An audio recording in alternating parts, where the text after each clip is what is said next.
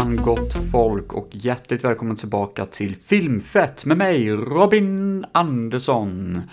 Jag hoppas ni har det bra där hemma i stugorna. Och eh, nu tänker kanske ni, vem fan är det jag har rättat in till nu? Jo, Filmfett är ju en podd som avhandlar filmer under ett tema. Det kan vara science fiction, det kan vara skräck, det kan vara gott och blandat, det kan vara thrillers, allt möjligt. Och eh, ibland är avsnitten lite sämre och ibland är de lite bättre. Och jag tror ni har valt ett bra avsnitt idag faktiskt, för jag ska prata om vilda västern. En genre som är väldigt fascinerande. Men innan dess måste jag ju göra en liten plugg till Deep Dive-podden, en podd som jag också är med i tillsammans med Josef och Joakim där vi pratar om en specifik film under väldigt lång tid. Vi verkligen umgås med filmen och med varandra och sidospår och skratt och skoj. Det är väldigt, väldigt blandat, högt och lågt. Filmfett är däremot en podd som jag enbart driver själv, för jag tycker det är ganska kul.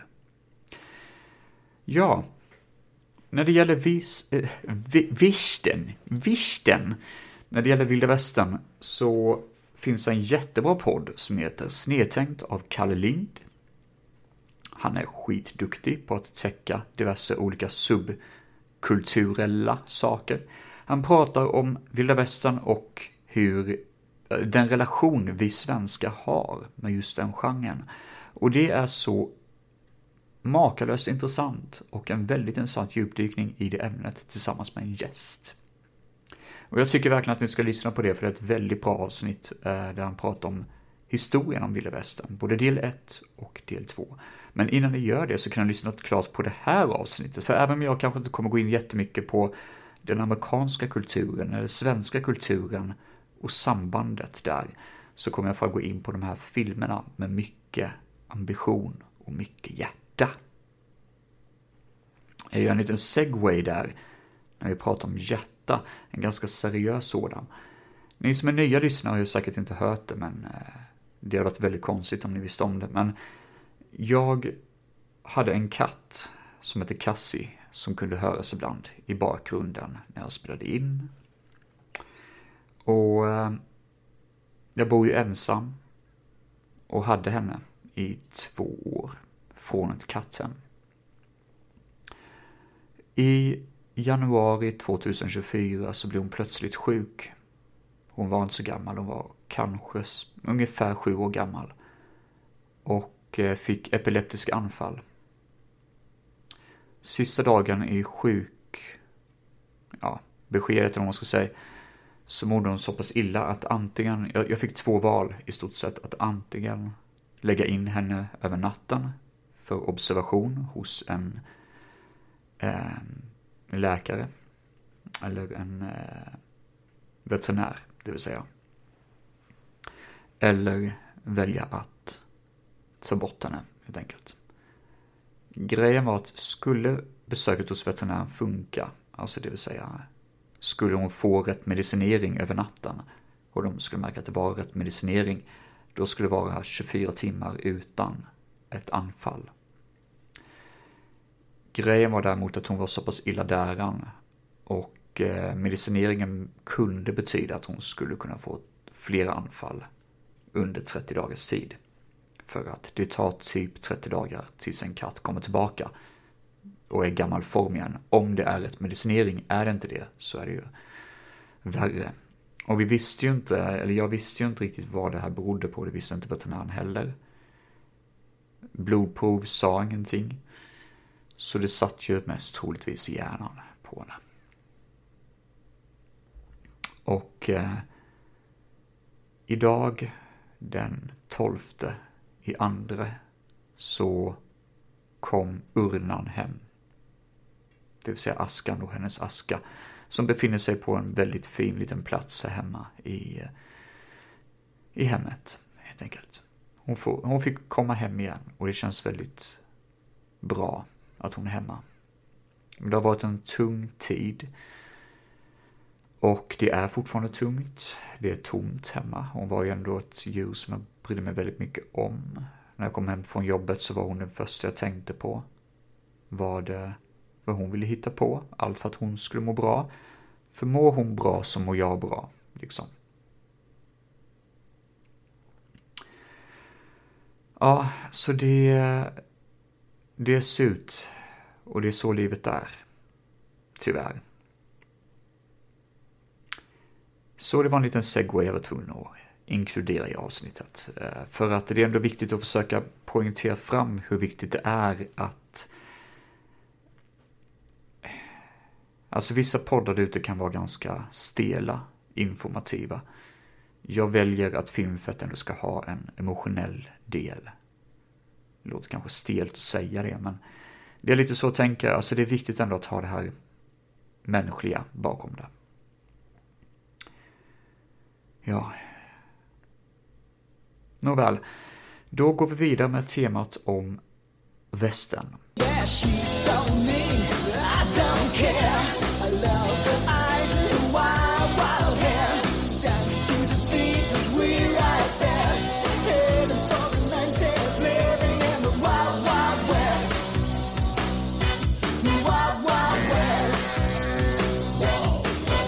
Jag vet inte varför jag snöt in på det här ämnet väldigt mycket. Det var faktiskt innan jag hörde Kalle Linds avsnitt. För det lustiga var att det kom ut typ en vecka efter att jag kom på det här att vilda västern är alltid coolt.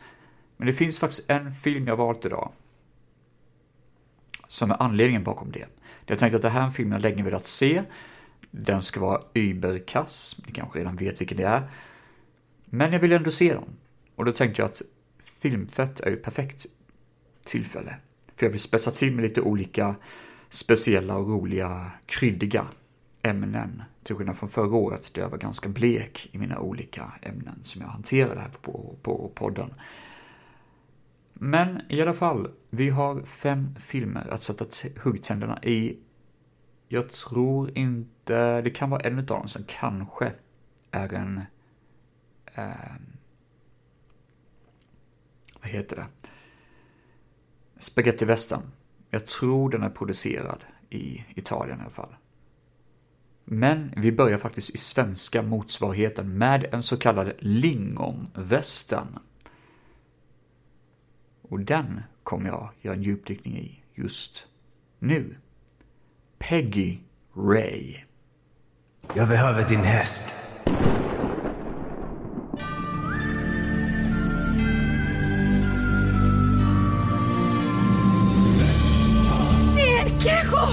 Vem är El Kejo? Vet du inte vem El Kejo är? Mannen, myten, mördaren. Han är så ond att det knappt är säkert att han finns. Och nu kommer han efter oss.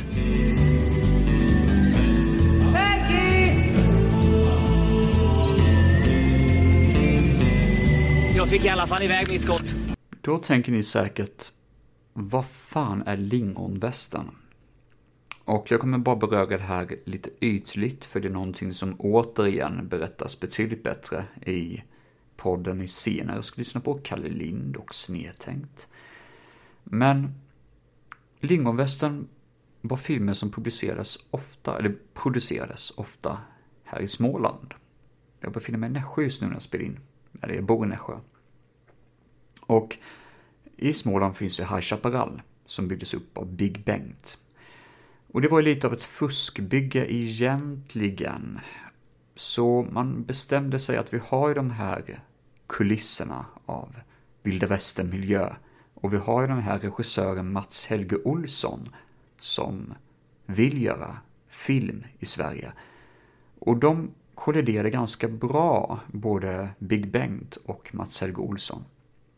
Så de bestämde sig för att tillsammans göra då diverse olika filmer. Jag tror det var tänkt att de skulle ha tre eller fyra stycken på High Chaparral. Och eh, High Chaparral är då en västernstad, en västernattraktion här i eh, Småland som fortfarande finns kvar och är väldigt aktiv och aktuell. Och jäkligt välgjord måste jag säga. Det är ett otroligt coolt ställe. Men den här filmen, Peggy Ray, är inte gjord av Mats Helge Olsson. Utan den här filmen kom ut 2017 av ett litet bolag som heter Korkek. Och jag tror det är ett bolag som drivs av High Chaparral själva. Det bestämde sig nämligen att de har ju inte något, de är inte öppet på vintern. Så det skulle göra någon form av, jag tror det var tanken i alla fall. Jag, jag, just den här filmen är jag faktiskt lite osäker på, men de gjorde tidigare i alla fall julkalender med västern-tema. Och om du nu gjorde det här med Peggy Ray också, vilket jag tror, för det fungerar, det passar ihop logiskt när man ser filmen, så är det här en långfilmsversion av den här eh, kalendern då. Det är eh, ganska episodiskt och det är förklarligt när man ser filmen i alla fall. Varför filmen är uppbyggd så, för det är klart är det olika episoder från eh, 24 stycken eh, kalenderavsnitt så är det inte underbart att den är så liksom, berättad på det sättet det är. Det är berättat på liksom. I alla fall, vi har en kringresande liten eh, hästdroska som styrs av Karo och Peggy. Och eh, helt plötsligt så hör de någonting. Det är fara, det är någonting på vägen till dem. Peggy, en ung tjej, gömmer sig i en kista och bevittnar hur någon skjuter ihjäl Karo. Vi får inte se blod och sånt, men ja, det är det som händer. Samtidigt får vi se två stycken fattiga bröder som har en skuld efter ett dåligt pokerspel med Jack Daniels, såklart. Det gör att de är skyldiga honom pengar, vilket gör att ja, det blir lite svårigheter. Senare, eller ganska snart, får de veta att Jack Daniels har hyrt in en eh, ja, skatteåterbärare, eller vad man ska säga, en legendarisk eh, Bounty Hunter, prisjägare, som ska få ta på pengarna på ett eller annat sätt från dem, eller klippa av deras eh, fingrar en efter en. El Quesho heter han. En legendarisk bandit. Och det gör ju de här bröderna skiträdda. Den här tjejen, Peggy, råkar korsa vägar ganska snart med de här lustiga små klant bröderna Och eh, vad som förekommer är en ganska lustig liten film där båda karaktärerna, eller alla tre, springer på diverse olika karaktärer och eh, försöker liksom hitta olika lösningar till det här stora hotet El Queso. Det är en eh, ganska schysst liten rulla där Peggy exempelvis springer på en ursprungsindian. Och det är en ganska schysst karaktär tycker jag. Jag tycker det är en väldigt fin scen. När, eh, som förekommer senare när de träffas igen. Och eh, vi har ett skämt där hela staden då, High Chaparral-sättet, där eh, det är en person som blir så chockad hela tiden. En hel skara människor får se någonting eller höra en historia som gör att han blir så chockad att han, han tuppar av konstant. Det är som att han tuppar av och sen nästa scen så springer de och då är han med de här, det här gänget igen. Och så får han höra någonting och så tuppar han av igen. Han bara svimmar liksom. Kollapsar på golvet. Det är väldigt kul. Mm, väl gjort. Litet roligt skämt det här är en av de filmer jag ville börja med i dagens avsnitt för att det finns inte så mycket mer att säga om det. Det är en schysst, charmig film som är tillgänglig på YouTube. Jag har inte så mycket mer information om filmen mer än så. Jag tycker absolut den var sevärd. Det är en kort tid, en timme, 20 minuter, något sånt. Bra skådespel, hyfsat bra i alla fall. Och eh, stabil eh, underhållningsvärde. Jag hade kul när jag såg den och jag rekommenderar den. Det eh, är väl det jag har att säga om Peggy Ray i slutändan. Så det blir en ganska kort sammanfattning om mina åsikter där. Men eh, där är vi igång, där befinner vi oss i västern i alla fall. Och med nästa film så ska vi självklart behålla oss i västern fast under 90-talet. I en mer kampsportsorienterad västernfilm. This army officer had an unbeatable talent. And a bright future until he met his match. A master of cruelty.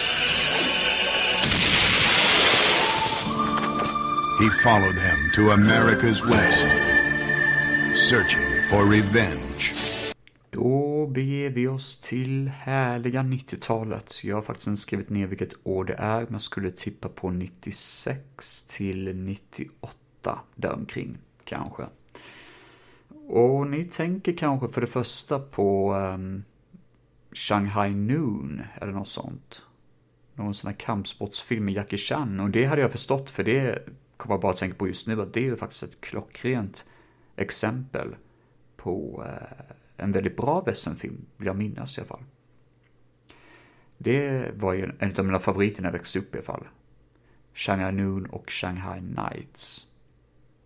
Hur kom det sig att de inte gjorde en tredje film egentligen? För Shanghai Nights vill jag minnas var också väldigt bra. Har jag för mig i alla fall, jag har inte sett den sedan dess, så jag vet inte. Det är väl den där de åkte till Storbritannien tror jag. Om jag inte minns fel. I alla fall, jag pratar om Savatte Savate. Det är en ganska skön titel. Det rullar liksom gött i gommen, om man säger det. Savate. I alla fall, Oliver Gruner.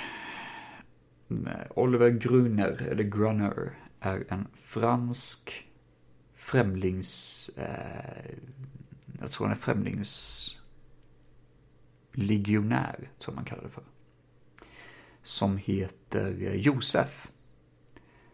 Och jag kommer inte riktigt ihåg hur, men på något vänster så kommer han till ett samhälle, som det brukar vara, det gamla klassiska. Och eh, det visar sig att han är väldigt bra på kickboxing, det vill säga en viss form av strid, som i det här fallet kallas för savatte. Jag som sagt var, jag kommer inte riktigt ihåg detaljerna kring det. Jag för mig att han hade tuppat av och att någon hade fört in honom till byn och man var osäker på om man skulle ha honom där eller inte, för folk började misstro honom. Samtidigt så har han en massa flashbacks och minnen av eh, en person som ser väldigt lik ut Kevin Bacon, en skådis som då heter Mark Singer från tv-serien V. Han spelar eh, en skurk här och han har på sig en väldigt ond monokel och en väldigt ond attityd. Eh, han heter Von Trotta. Och han är en väldigt sån här ond legionärskapten som är sadistisk utav bara helvete. Och det här minns ju Josef väldigt, väldigt mycket i olika flashbacks, så man förstår att det kommer leda till någonting. Ja, det, jag har faktiskt skrivit där, hjälpsamt par tar hand om Josef i ett samhälle och räddar honom som sagt jag minns inte varför, jag för mig han var typ uttorkad någonting. Och eh, vi har då en ond landägare, Benedikt, som eh, befinner sig också i den här, det här samhället då. Som vill köpa gården eller marken som den här, det här hjälpsamma paret har. Och där inser ju han, Josef, ganska snart att ja, det är någonting lut med den här onda, eh, onda djävulen. Och det arrangeras en eh, turnering där man kan vinna pengar för den här det är någonting som den här eh, Benedikt driver. Jag för mig det var Benedikt som drev hela kittet där. Eh, den här onda landägaren då. Och eh, där om man vinner så kan man ju faktiskt benådas från att betala de här höga hyrorna som Benedikt har. Samtidigt så blir det lite action, lite kampsportsaction och sånt. Mycket swoosh-ljud är det. Det är liksom sådär väldigt överdrivet. Sådär liksom som inte riktigt passar rörelsemönstret, men sånt är ju charmigt. Och jag vill minnas faktiskt att Ogre från Bloodsport eller nej, Ogre heter han ju i Revenge of the Nerds, han heter Jackson från Bloodsport. Jag vill minnas att han är med i den här filmen. Uh, jag har inte skrivit ner hans namn, jag tror jag inte gjort så mycket anteckningar på just den här filmen. Men jag hade för mig att det var han som dök upp där i filmens gång. Vi får se Fight-turneringen eskalera lite mer, det dyker upp lite grann mot slutet av filmen och där förstår man att Von Trott, den här onda skurken, kommer dyka upp och det kommer bli en jäkla fight. Och Von Trott är speciell i sin stridskonst. Han går väldigt bredbent, är väldigt muskulös och jävlig och svingar hit och dit och han Alltså Mark Singer är så jäkla vältränad, han ser så oljig ut och grisig ut. Han har på sig en tröja som är alldeles för tight liksom. Och sin monokel som han har till runt med när han knockar folk och håller på. Och en goatee-skägg, sådana saker. Så det, det är väldigt mycket, alltså en härlig känsla där, den här lågbudgetfilm, eller B-filmskänslan över hela filmen. Savatte var en film som jag såg i december förra året. Den var schysst, underhållande. Kanske ingenting jag kommer ihåg riktigt supermycket, nu när jag ska vara ärlig. Men den gör vad den ska. Den är tillräckligt överdriven, tillräckligt underhållen och absolut att Mark Singer, alltså han är ostig som fan i den här filmen. Och han levererar. Det är verkligen sådär, jag sitter verkligen och har skitkul när jag ser honom dyka upp på filmen. Eh, gör ett väldigt, väldigt bra jobb. Eh, den här konstiga stridskonsten han har verkligen speciell när han fightas och står väldigt bredbent och det, det är liksom det fungerar för att det är så ostigt, annars hade nog filmen tappat sin identitet. Ja, men det är nog det jag har att säga om Savate faktiskt. Det är en schysst liten film, rolig liten actionrulle. Den är eh, värd att skaffa för en enkel tia. Jag skulle knappast sätta mer än så på den här filmen. Men eh, schysst liten film och visar att Oliver Grunner är så mycket mer än han var med i den horribelt dåliga Nemesis som jag inte kommer vilja återbesöka på väldigt, väldigt länge i alla fall. Jag har väldigt svårt för den filmen. Nej, men det vill jag säga om Savatte. Schysst liten rulle och vi drar vidare till det som faktiskt är kärnan i dagens avsnitt och det mittersta filmen i dagens avsnitt också, för jag har fem filmer att avhandla. Jag vill ju jättegärna se Wild Wild West. Det var det som var anledningen bakom det här temat då, att se den här eh, Razzie-vinnande stinkhögen. Och den kommer nu. Before there was a Secret Service, before there was a CIA, before there was an FBI, there was. West. Jim West. But behind every great man is a beautiful woman.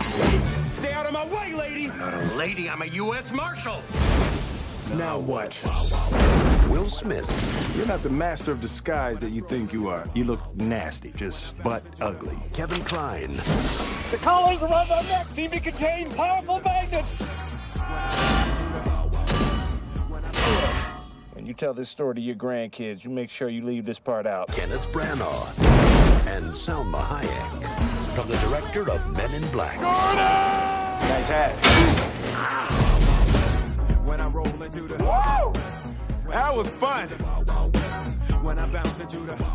1999, precis i kölvattnet av Men in Black, så var ju Will Smith på, alltså i total jävla toppform. Musiken var underbar. Han var fantastisk i den här komediserien, som jag tror slutade vid den här tiden faktiskt. Den, eh, ja, vad heter den? Um, Fresh Prince in Bel-Air. Alltså han var ju total, en total jäkla stjärna på den här tiden. Och eh, det bildades en liten idé av att göra en vilda västern-film baserad på en tv-serie med samma namn, Wild Wild West, där då Will Smith skulle vara med i rollen som Jim West. Och det bildades ganska mycket skriverier bakom eh, den här, eh, alltså bakom kulisserna då. Vem ska vara med i filmen ett tag och ett tag så skulle Mel Gibson vara med i filmen och eh, senare var det Tom Cruise som skulle vara med. Som i den här duon, för det är ju två personer som är huvudrollerna. Den här tv-serien från 60-talet räknas som spionvästen, så det blandar både och liksom. En ganska filu- finurlig eh, serie tydligen.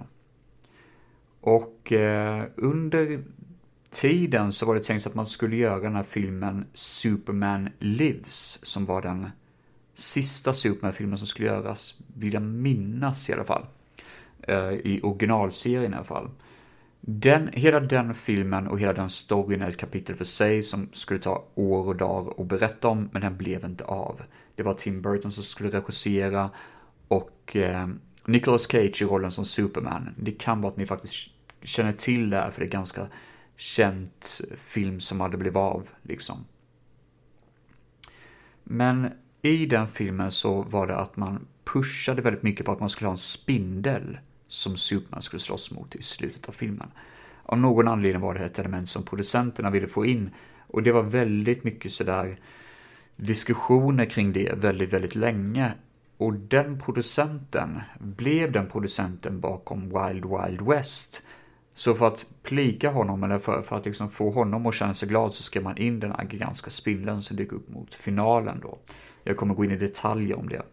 Mekanisk spindel är det. Och eh, Will Smith och hans kollega, eller coworker, eh, Kelvin Klein. Eller är det Kevin han heter? Kevin Klein. Jag vet inte fan. De hade en duell i vem som skulle vara mest rolig under filminspelningen, vilket var konstigt för det var inte ens tänkt sig att Kevin Klein skulle spela en komisk roll. Han skulle vara väldigt seriös egentligen och så skulle Smith då vara den mer humoristiska, precis som i Men in Black. Men detta gjorde att det blev en konstig kemi, eh, någon form av humoristisk duell som inte riktigt gick in i varandra. Folk visste inte riktigt vem ska vara rolig, vem ska vara tråkig. De fattade inte riktigt vad de kollade på. Och eh, Roger Ebert hade tydligen sagt att Klein och Smith saknar kemi, vilket jag absolut kan förstå. Den vann fem Razzies, bland annat som sämsta skådis tror jag det var, och sämsta regissör. Och sämsta skådis, där var det faktiskt huvudskådisen från 60-talsserien, den här Spy Western-filmen, som dök upp och tog emot eh, folkets jubel för att han tyckte att den här filmen var fruktansvärt dålig och eh, ville ta emot Razzie Awards för att filmen ens godkändes. Det finns också en, en jäkla skön rapplåt och musikvideo av Will Smith som heter Wild Wild West som skulle sälja in filmen, vilket är kul att lyssna på, men också sådär, hur fan hamnar rap in i Wild, Wild West-tematik, alltså vilda västern? Det är ju väldigt absurt. Vi börjar med ett klassiskt western-intro, det är bra musik, det ser ut som en spagettivästern, det är spännande. Det, jag blev faktiskt ganska intresserad av det här när jag såg den här introt. och tänkte, den här filmen börjar väldigt lovande i alla fall. Will Smith är då Jim West, en actionhandlig agent som jag inte riktigt vet vem fan han jobbade för. Men i alla fall, han är på jakt lite grann efter en ond skurk som heter General McGrath, som spelas av Ted Levine. Och han är en smugglare, väldigt grotesk smugglare med typ en, eh, liksom, eh, vad fan ska man säga, hörpip inkörd i örat. Alltså det är som att halva ansiktet är bortsprängt och han har inget öra, så han har typ kört in en pip för att kunna höra i örat. Och det är äckligt och groteskt där. Det typ rinner vatten och sörja från den ibland. Den här lilla pipen han har inkörd där. Eh, det blir lite action när eh, General McGrath och Will Smith, eh, eller då Jim West, springer på varandra. Men helt plötsligt så dyker det upp en kvinna i förklädnad då, det är en man egentligen.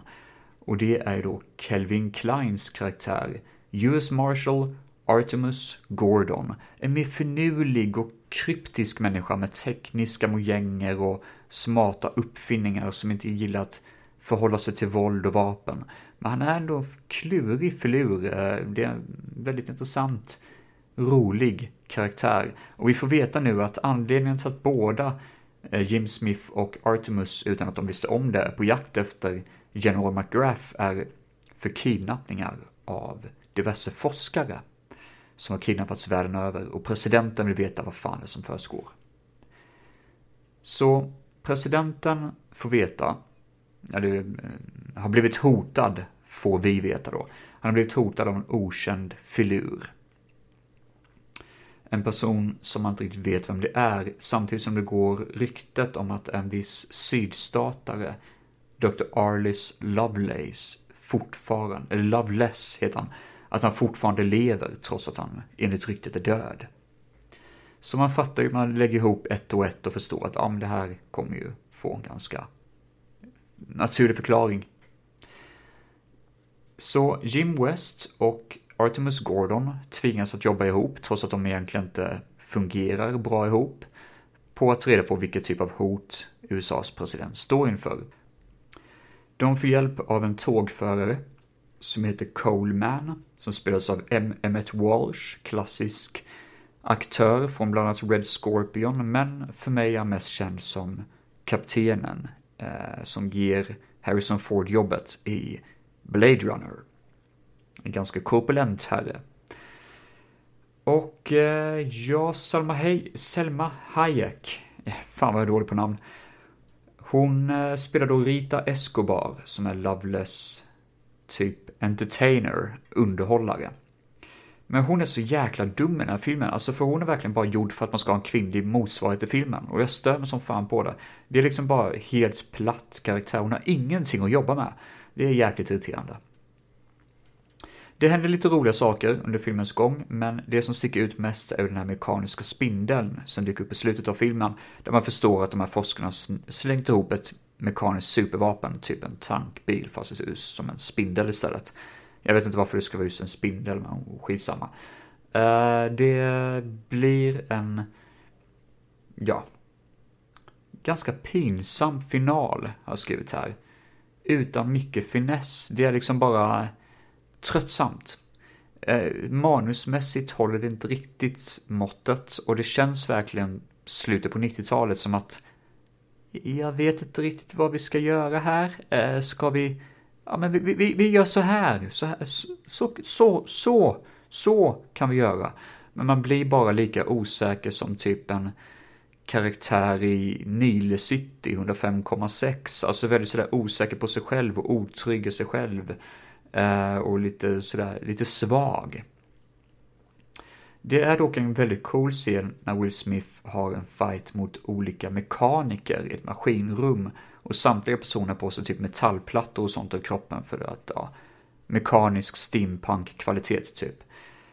Ja, Kenneth Branagh heter han, som spelar Dr. Arliss Loveless.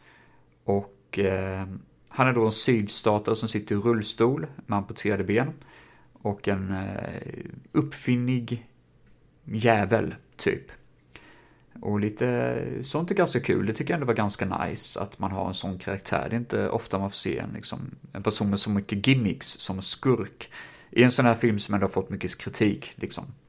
Det är ganska kul med.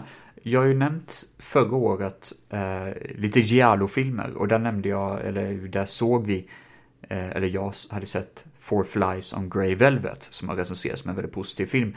Och det finns en referens till den filmen här, för här är det att eh, Artemis Gordon ska undersöka vad en person har sett i det sista ögonblicket innan den dör.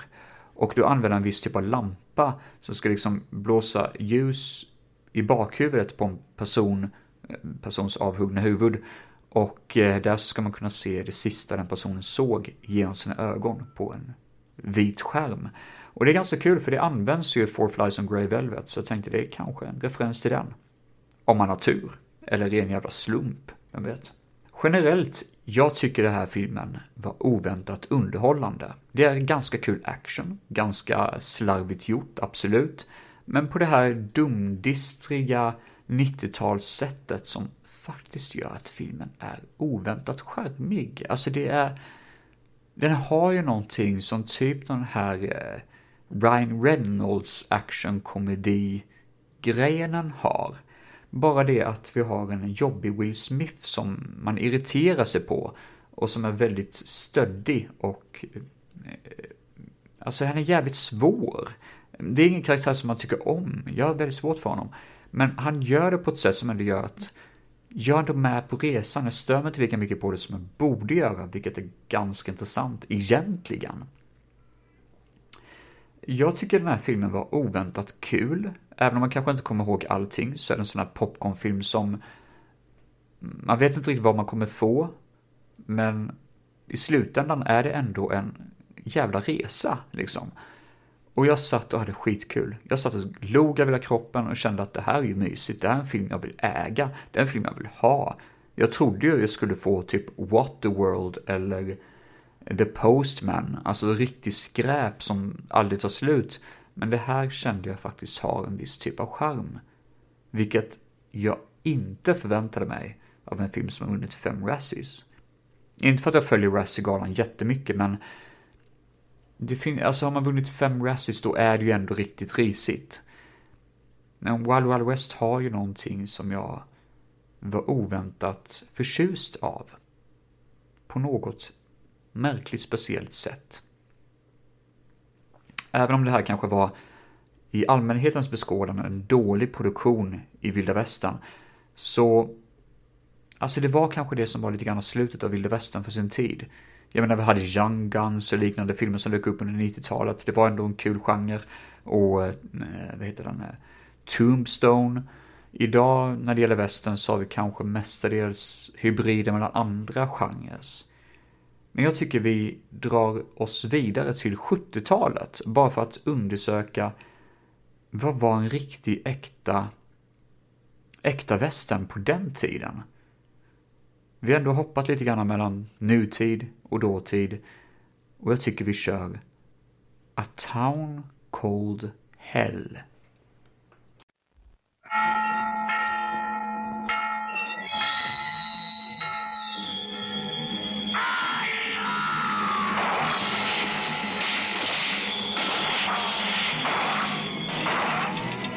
This scene shocks you, then we must tell you this is a revolution in action. The blood-red smell of violence that enveloped the bandit-infested Mexican town called Hell.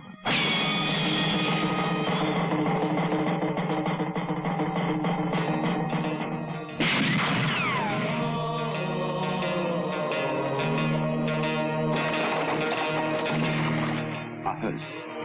A live corpse. Whatever happens, you do it, I tell you. Why do they come to a town called Hell? Why did the Sierra come? to give someone in this town $20,000 in gold. Well, who in this town would be so lucky? I mean, what would he have to do? The name of the man who killed my husband.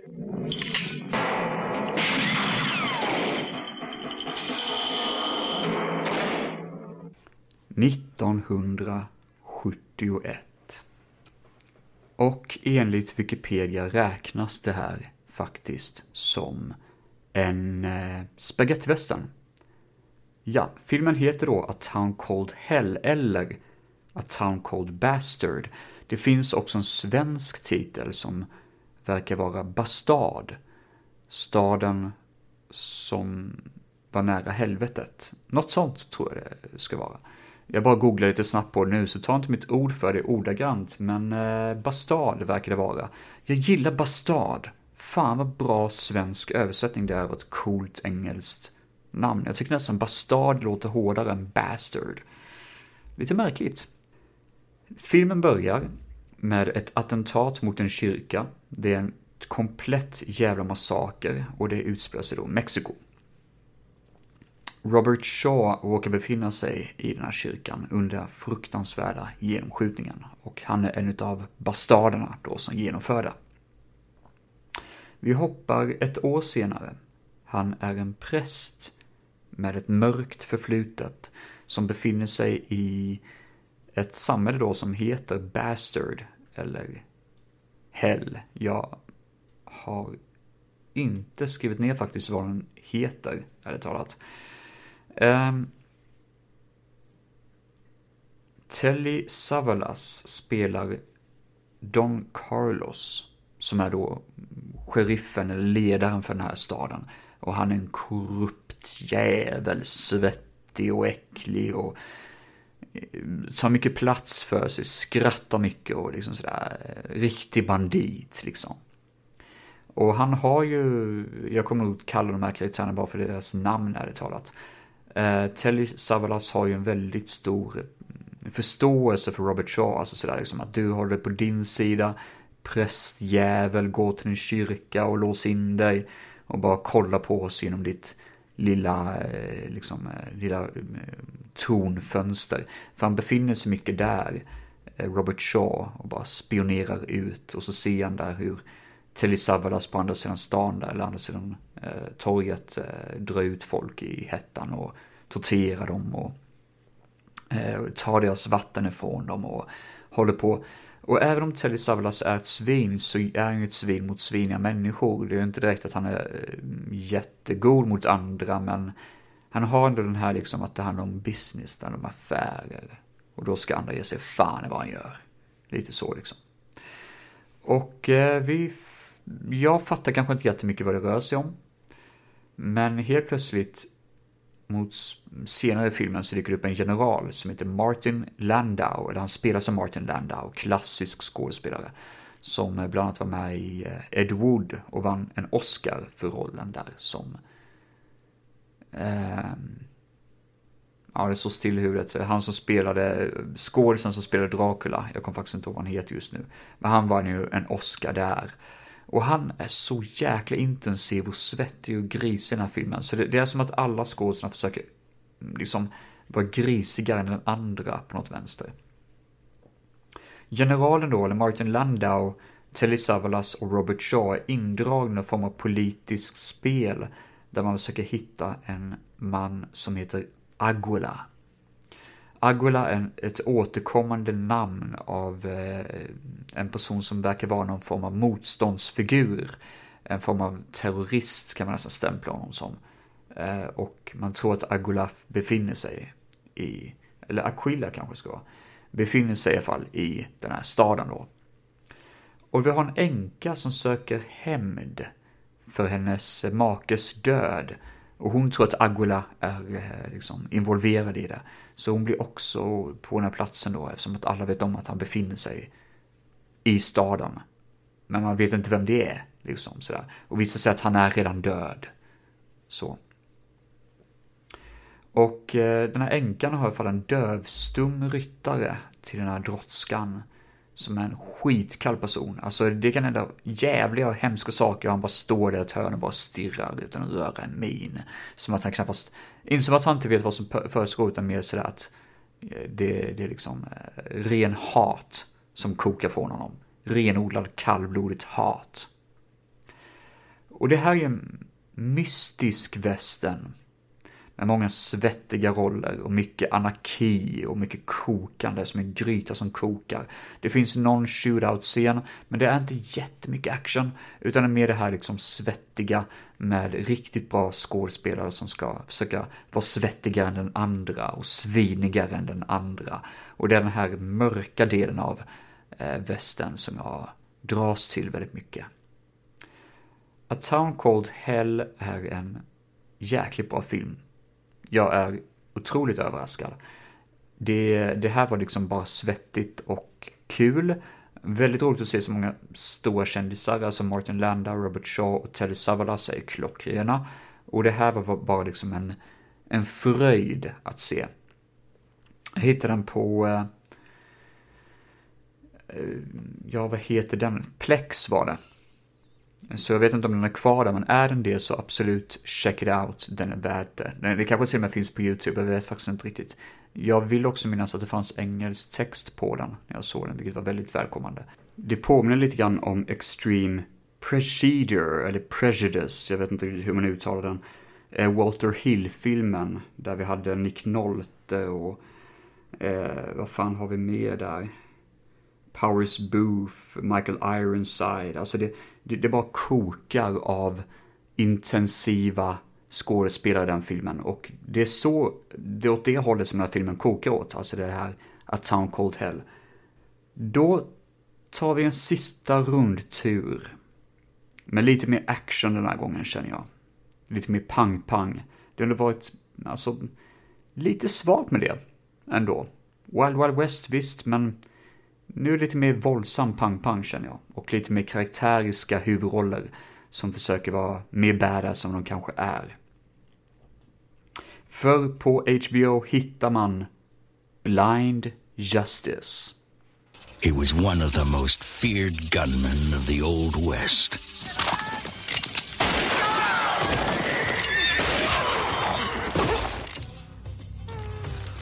Much obliged.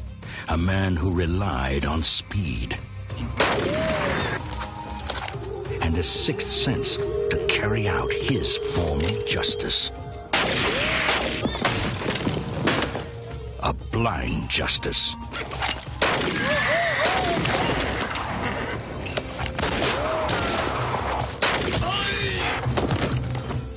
Now, he's about to defend a town held hostage by a ruthless outlaw So what's he after?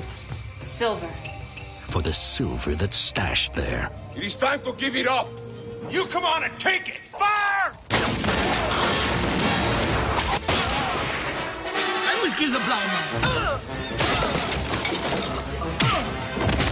You try to gouge out his eyes and bring them to me.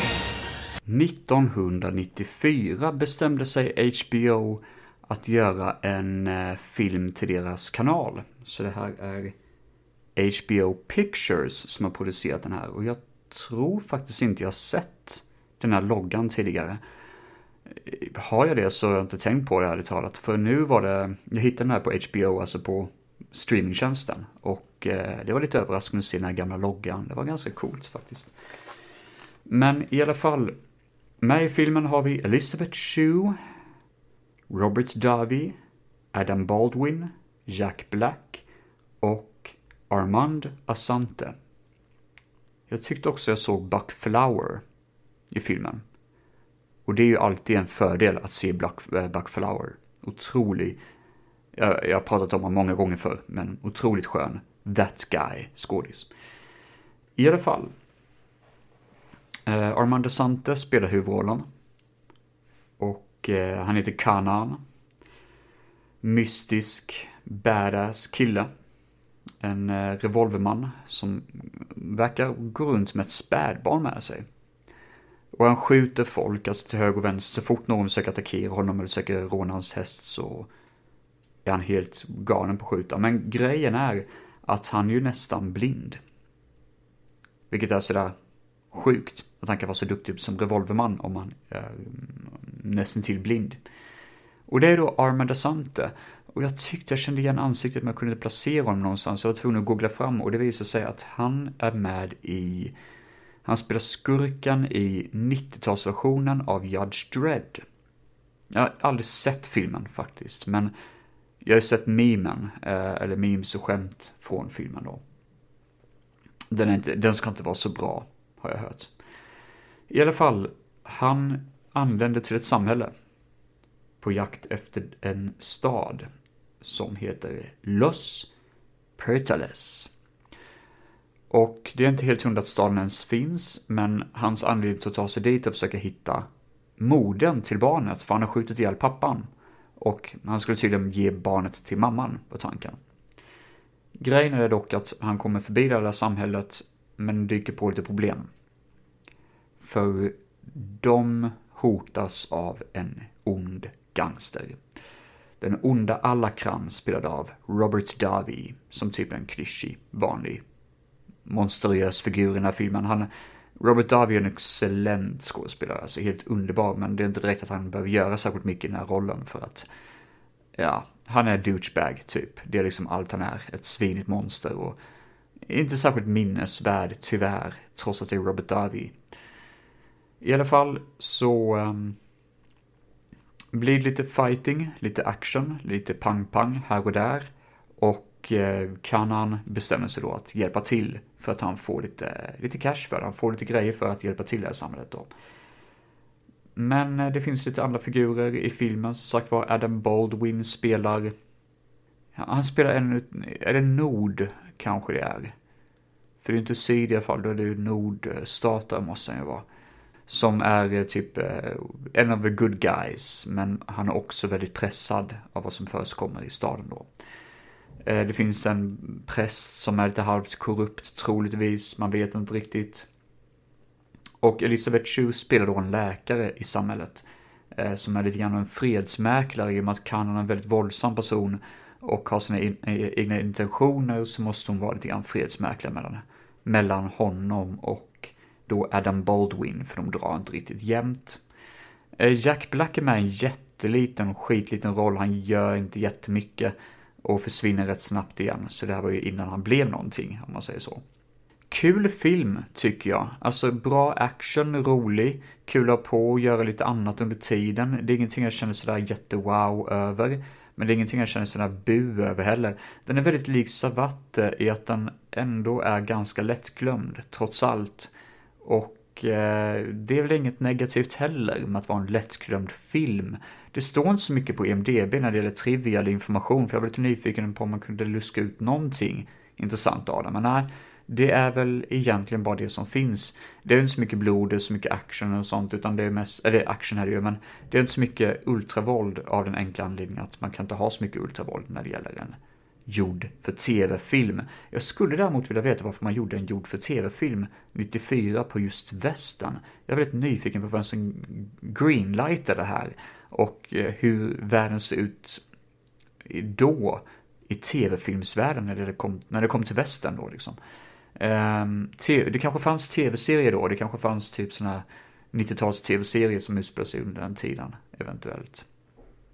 Ja, men det är väl det jag har att säga om Blind Justice. Det, det, är inte så mycket mer att säga. Det är en kul liten film. Jag såg den idag och jag tyckte att det här är roligt. Men det är inte direkt att jag har så mycket mer att säga om den mer än att en acceptabel prestation i slutändan. Och ibland måste man se lite sånt också. Så är det bara.